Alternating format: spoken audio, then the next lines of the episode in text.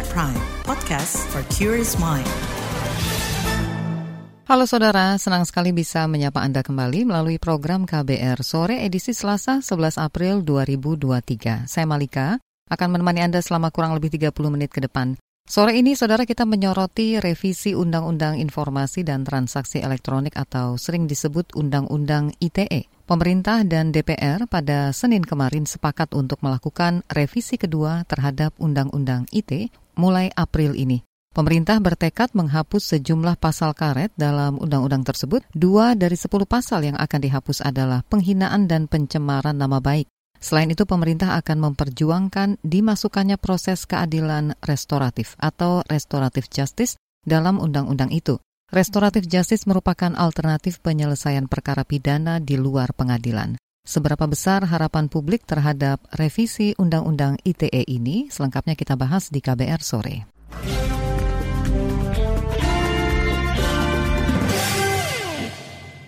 Komisi di DPR Bidang Informasi dan Komunikasi bersama pemerintah sepakat membentuk panitia kerja untuk merevisi Undang-Undang Informasi dan Transaksi Elektronik. Revisi ini ditujukan pada Undang-Undang Nomor 19 Tahun 2016 yang merupakan perubahan pertama atas Undang-Undang Nomor 11 Tahun 2008 tentang informasi dan transaksi elektronik. Menteri Komunikasi dan Informatika, Joni G. Plate menjelaskan Revisi Undang-Undang ITE dimaksudkan untuk memberikan perlindungan bagi masyarakat dari penyalahgunaan teknologi informasi.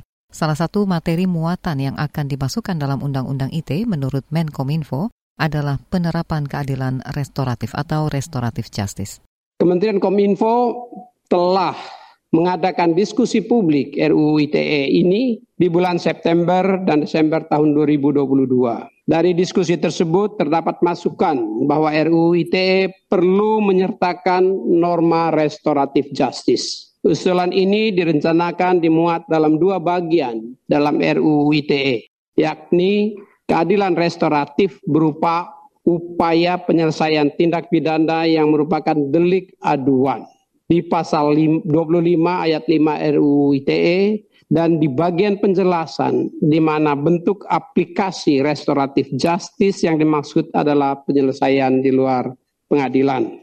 Saat rapat kerja dengan Komisi Bidang Komunikasi dan Informatika di DPR kemarin, Menkominfo juga mengingatkan revisi Undang-Undang ITE dibentuk untuk menciptakan ketertiban di ruang cyber, mengatur kejahatan cyber, dan pembaruan ketentuan hukum pidana ada 10 detailnya. Mengingat usulan rancangan perubahan kedua Undang-Undang ITE disampaikan sebelum Undang-Undang KUHP disahkan, perlu dilakukan harmonisasi antara rancangan perubahan kedua Undang-Undang ITE dengan Undang-Undang KUHP untuk melakukan penyesuaian terhadap ke-10 materi tersebut. Satu hal yang perlu kita perhatikan di sini bahwa mengingat Undang-Undang ITE KUHP baru diimplementasikan tiga tahun kemudian, maka ini perlu dijembatani agar tidak terjadi kekosongan hukum di dalam Undang-Undang ITE khususnya terkait pasal-pasal yang telah dicabut. Nah, untuk hal-hal tersebut pemerintah siap menyelesaikannya sebagaimana yang DPR, Komisi 1 DPR RI harapkan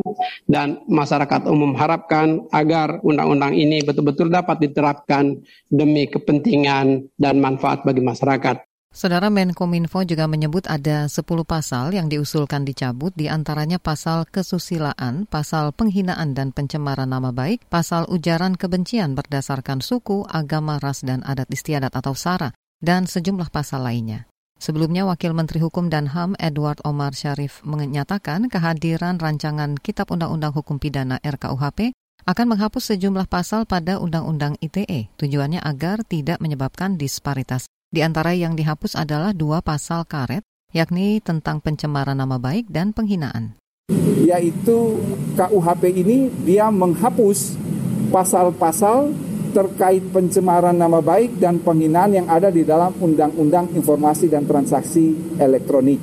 Jadi saya kira ini suatu kabar baik bagi iklim demokrasi dan kebebasan berekspresi karena saya tahu persis terutama teman-teman media selalu uh, mengkritik bahwa teman-teman aparat penegak hukum menggunakan undang-undang ITE untuk melakukan penangkapan dan penahanan dan lain sebagainya. Uh, untuk tidak terjadi disparitas dan tidak ada gap maka eh, ketentuan-ketentuan di dalam undang-undang eh, ITE itu kami masukkan dalam RKUHP tentunya dengan penyesuaian-penyesuaian yang dengan sendirinya mencabut ketentuan-ketentuan pidana khususnya pasal 27 dan pasal 28 yang ada dalam Undang-Undang ITE. Saudara, itu tadi Wakil Menteri Hukum dan HAM Edward Omar Syarif Hiarij. Usulan pemerintah memasukkan mekanisme penyelesaian hukum dengan restoratif justice dalam revisi Undang-Undang ITE mendapat tanggapan dari kalangan aktivis. Mereka mengingatkan agar seluruh aparat penegak hukum punya pandangan yang sama terkait pelaksanaan proses ini. Wakil Ketua Advokasi Yayasan Lembaga Bantuan Hukum Indonesia YLBHI Arif Maulana mengatakan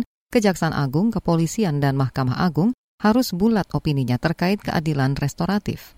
Jadi kita fokus di pasal-pasalnya dulu, pasal-pasal yang kita anggap bermasalah di Undang-Undang ITE itu hapus dulu, gitu. direvisi dulu, begitu. Nanti kalau kita sudah bicara penegakannya, kalau pasal-pasalnya sudah bermasalah nggak ada, nah itu baru ngomongin soal cara penegakannya bagaimana, apakah Undang-Undang ITE ini bisa masuk uh, ke dalam apa namanya uh, mekanisme eh, RJ gitu ya, karena RJ sendiri kan uh, syaratnya harus jelas untuk kasus apa aja. Itu tadi Wakil Ketua Advokasi Yayasan Lembaga Bantuan Hukum Indonesia YLBHI Arif Maulana. Sesaat lagi kita akan sampaikan laporan khas KBR yang kali ini bertema menakar dampak revisi kedua Undang-Undang ITE. Tetaplah di KBR sore. You're listening to KBR Pride, podcast for curious mind. Enjoy!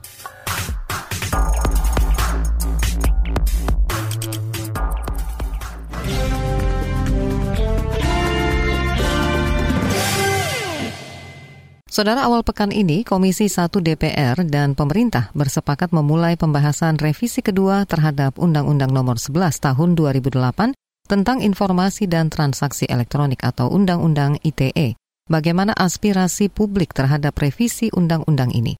Selengkapnya kita simak laporan khas KBR disusun jurnalis Syafira Aurelia.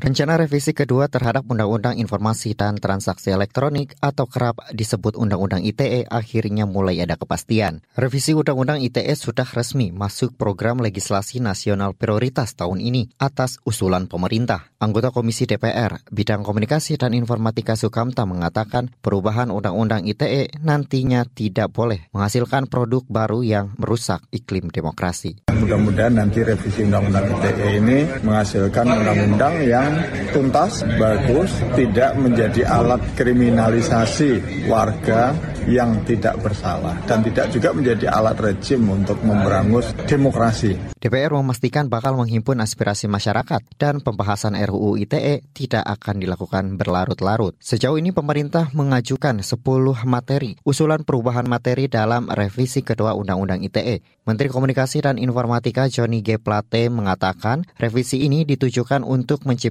ketertiban di ruang cyber dengan memberikan perlindungan bagi masyarakat dari penyalahgunaan teknologi informasi secara umum. Satu hal yang perlu kita perhatikan di sini bahwa mengingat undang-undang KUHP itu diimplementasikan tiga tahun kemudian, maka ini perlu dijembatani agar tidak terjadi kekosongan hukum dalam undang-undang ITE khususnya terkait pasal-pasal yang telah dicabut. Kelompok masyarakat sipil yang tergabung dalam koalisi serius revisi Undang-Undang ITE menilai perlu ada revisi menyeluruh terhadap undang-undang ini. Salah satu organisasi anggota koalisi, yaitu SafeNet, menyebut argumentasi dalam naskah akademik usulan pemerintah sudah usang dan berlebihan. Direktur Eksekutif SafeNet, Damar Juniarto mengatakan usulan perubahan Undang-Undang ITE dari pemerintah tidak berlandaskan pada perkembangan teknologi terkini. Kita punya banyak masalah ya dalam pasal 26 ayat 3, pasal 42B, pasal 43, pasal 5 misalnya tentang pengecualian. Maka sebetulnya perlu juga mempertimbangkan dalam revisi Undang-Undang ITE ikut memasukkan tentang tata kelola internet yang baik, lalu bagaimana meminta tanggung jawab platform teknologi, karena selama ini belum pernah diatur dalam Undang-Undang ITE, bagaimana moderasi konten, yang selama ini hanya diatur dalam peraturan menteri itu sebaiknya juga diatur dalam undang-undang sehingga lebih kuat.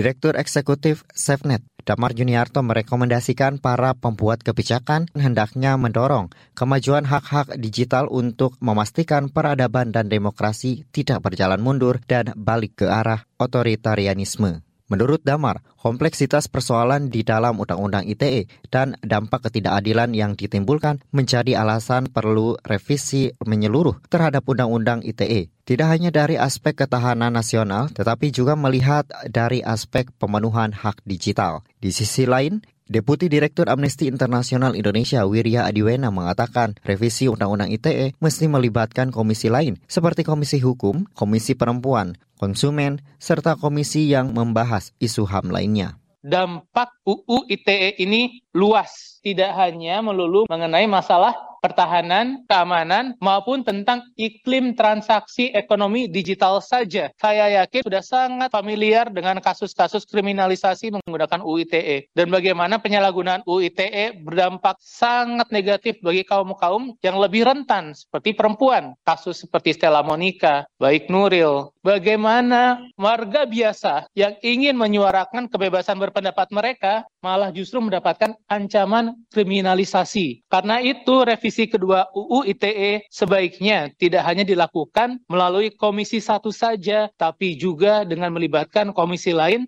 Kalangan masyarakat sipil juga mendorong agar revisi kedua Undang-Undang ITE dilakukan dengan membuka ruang pembahasan yang partisipatif dan bermakna untuk menjamin pelibatan publik, terutama untuk menjamin kaum perempuan yang kerap menjadi korban.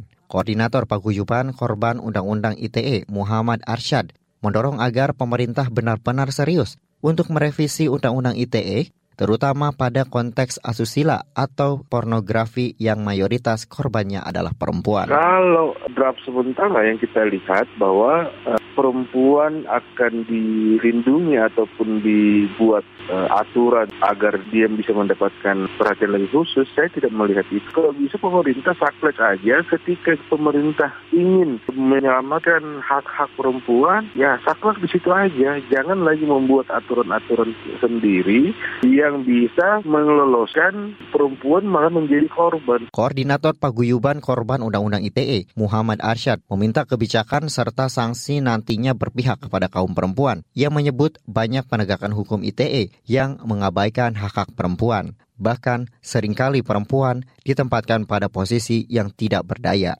Demikian laporan khas KBR disusun Safira Aurelia. Saya Heru Haitami.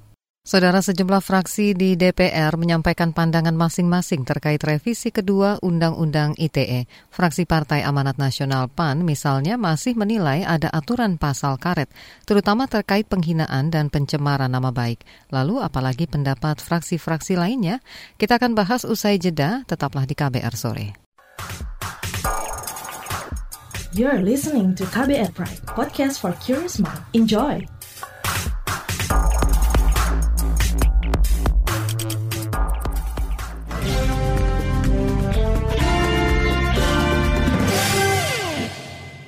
Saudara kita lanjutkan kembali KBR sore. Komisi Bidang Komunikasi dan Informatika DPR menyepakati pembahasan RUU tentang perubahan kedua atas Undang-Undang ITE.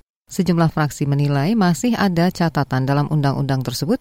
Anggota fraksi Partai Demokrat dari Zalbasir mengingatkan, revisi Undang-Undang ITE harus memperhatikan undang-undang lain yang sudah ada. Undang-Undang Kekerasan Seksual, Undang-Undang Perlindungan Data Pribadi, Undang-Undang Penghapusan Diskriminasi Ras dan Etnis, serta undang-undang lainnya yang memiliki pengaturan serupa dengan pasal-pasal bermasalah di dalam Undang-Undang ITE. Kedua, revisi kedua Undang-Undang ITE dibutuhkan untuk kepastian hukum dengan adanya perkembangan teknologi yang semakin pesat dalam hal transaksi elektronik dan juga berperkembangan penyebaran informasi. Ketiga, ketentuan pidana dalam pasal-pasal Undang-Undang ITE perlu ditinjau ulang agar memberikan keadilan yang berimbang dan juga tidak berseberang dengan ketentuan pidana pada Undang-Undang KUHP. Hal senada disampaikan anggota fraksi Partai Keadilan Sejahtera Al-Muzammil Yusuf. Menurutnya pasal-pasal multitafsir perlu menjadi fokus agar tidak mencederai nilai-nilai hak asasi manusia.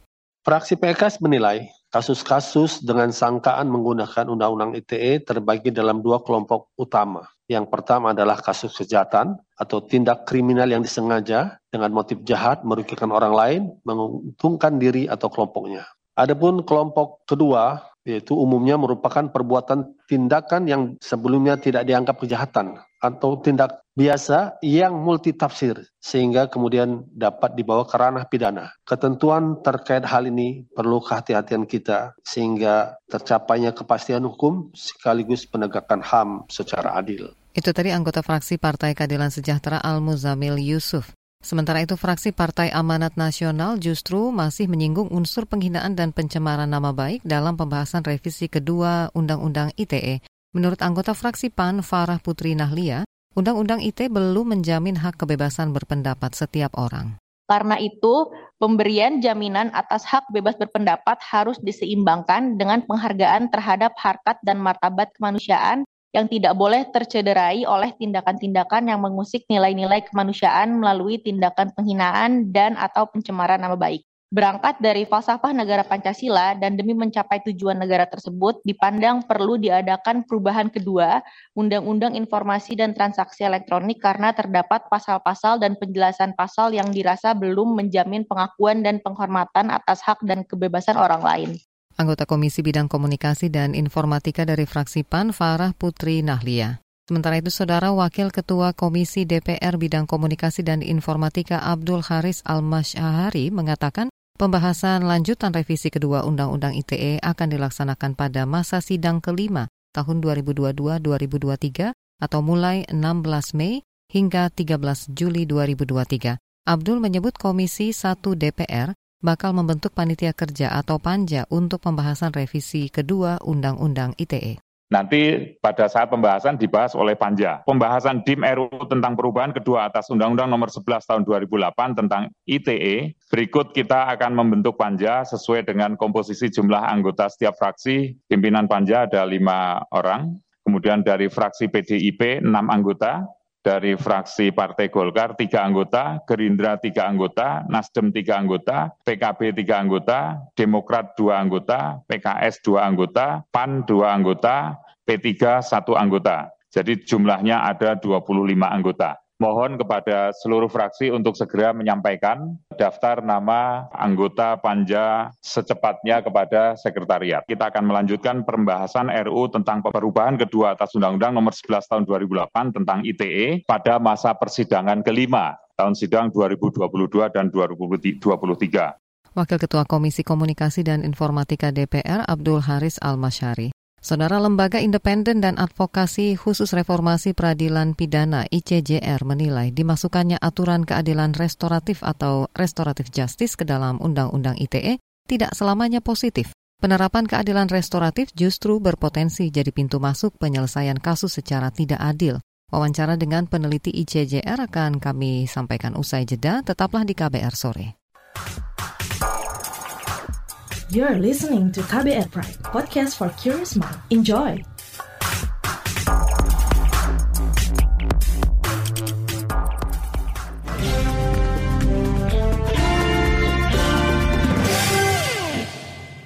Anda masih mendengarkan KBR sore. Saudara Lembaga Independen dan Advokasi Khusus Reformasi Peradilan Pidana ICJR mengapresiasi sikap pemerintah yang akan menghapus sejumlah pasal karet dalam Undang-Undang ITE ICJR berharap pencabutan juga dilakukan terhadap pasal-pasal terkait tindakan kriminal yang dilakukan menggunakan sarana teknologi informasi. Selengkapnya kita simak wawancara jurnalis Siti Sadida Hafsyah dengan peneliti ICJR, Johanna Gabriela. Bagaimana catatan ICGR sebagai perwakilan dari koalisi serius revisi Undang-Undang ITE? Apa saja pasal yang patut didukung dan apa saja poin yang kira-kira kurang masuk uh, ke dalam pasal revisi Undang-Undang ITE ini? High call-nya dari kami sebagai koalisi itu adalah sebetulnya tetap mendorong penghapusan pasal-pasal cyber enabled crime ini dari revisi undang-undang ITE begitu karena kita masih bisa menggunakan peraturan perundang-undangan yang berlaku sekarang seperti misalnya KUHP yang masih berlaku sekarang sampai 2026 nanti begitu. Selain itu juga ada pasal-pasal di dalam undang-undang ITE yang sebetulnya juga sudah ada ya padanannya dengan KUHP yang berlaku saat ini. Misalnya pasal 27 ayat 2 itu kan ada pasal tentang perjudian online begitu. Nah sebetulnya tidak perlu pakai pasal yang ada di dalam undang-undang ITE pun kita bisa pakai pasal perjudian yang ada di dalam KUHP itu nanti kalau misalnya KUHP baru berlaku begitu kan sudah ada pasal perjudian juga di dalam KUHP baru. Selain itu ada pasal-pasal lain yang kami rekomendasikan untuk ya tetap dimasukkan tapi harus direvisi begitu ya. Misalnya tentang kewenangan PNS itu ada di pasal 43 ya kalau saya tidak salah. Pasal PPNS itu semenjak direvisi di tahun 2016 ada kewenangan PPNS yang terlalu luas begitu karena ayat 3 dan ayat 6 itu PPNS itu bisa melakukan upaya paksa tanpa mendapatkan izin dari ketua pengadilan setempat. Padahal di tahun 2008 ketika UU pertama kali disahkan itu PNS harus mendapatkan izin ketua pengadilan dulu ya untuk melakukan upaya paksa. Nah ini kami sebenarnya mendorong untuk dikembalikan sebagaimana rumusan di Undang-Undang ITE yang pertama kali keluar gitu di tahun 2008. Selain itu juga ada pasal lain seperti pasal pemberatan pidana, di pasal 36 itu kami sarankan untuk dihapus karena ya itu hanya digunakan oleh APH untuk alasan untuk menahan seseorang begitu ya sebaiknya dihapus saja karena toh ini tidak berhubungan dengan persoalan ganti rugi korban ya korban tetap bisa mengajukan ganti rugi ya lewat jalur perdata atau gabungan perdata pidana. Menkominfo baru saja menyampaikan akan ada poin yang dimasukkan ke dalam revisi Undang-Undang ITE yaitu keadilan restoratif atau restoratif justice. Sudah tepatkah ini dimasukkan ke dalam revisi Undang-Undang ITE dan apa saja catatan dari Mbak? Sebenarnya di salah satu jatulan Perpol kita, Perpol 18 2021 itu, eh Perpol 8 atau 18 ya, saya lupa nomornya, tentang penyelesaian perkara melalui proses restoratif justice. Perkara penyebaran konten ilegal itu sebenarnya sudah masuk sebagai salah satu perkara yang bisa diselesaikan oleh proses justice. Itu di uh, tahap ya penyelidikan-penyelidikan di kepolisian begitu. Tapi saya juga belum tahu apakah itu secara implementasinya sudah tepat atau belum. Nah makanya untuk kalau misalnya itu mau diatur di Undang-Undang ITE harus dirinci ya tindak pidana apa saja gitu. Kalau asumsinya kalau misalnya pemerintah masih mengatur cyber enabled crime di Undang-Undang ITE maka jenis cyber enabled crime apa, jenis tindak pidana ITE apa yang kemudian bisa melalui proses restoratif justice seperti itu. Terus bagaimana juga nanti alur dari mekanisme proses restoratif justice tersebut. Adakah catatan lain yang ingin disampaikan Mbak dalam proses revisi Undang-Undang ITE ini? dari segi penyusunan sebetulnya dari koalisi itu juga kami sebenarnya menyarankan agar pembahasan undang-undang ITE ini tidak dilakukan hanya di dalam komisi satu ya, tapi juga dilakukan di perintah komisi begitu mungkin dengan komisi tiga itu sebenarnya masih kami dorong juga walaupun kami tidak tahu ya apakah memungkinkan atau tidak dengan jadwal uh, kerja DPR saat ini gitu melihat jadwal kerja Komisi satu saat ini. Ya karena Komisi tiga ini lebih fokusnya di hukum ya. Jadi maksudnya di sini uh, supaya ya Komisi satu juga memiliki partner diskusi begitu ya dengan Komisi tiga. Dan sebenarnya nggak cuma dengan Komisi tiga saja ya tapi juga membuka ruang selebarnya untuk masyarakat untuk terlibat begitu itu tadi peneliti di Lembaga Independen dan Advokasi Khusus Reformasi Peradilan Pidana Johanna Gabrilia dalam wawancara bersama jurnalis Siti Sadida Hafsyah. Dan wawancara tadi menutup jumpa kita di KBR Sore edisi Selasa 11 April 2023. Pantau selalu informasi terbaru melalui situs kbr.id, Twitter at Berita KBR, serta podcast di kbrprime.id. Saya Malika bersama tim yang bertugas undur diri. Salam.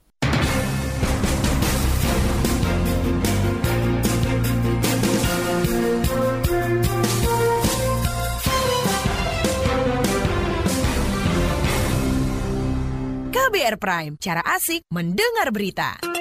KBR Prime, podcast for curious mind.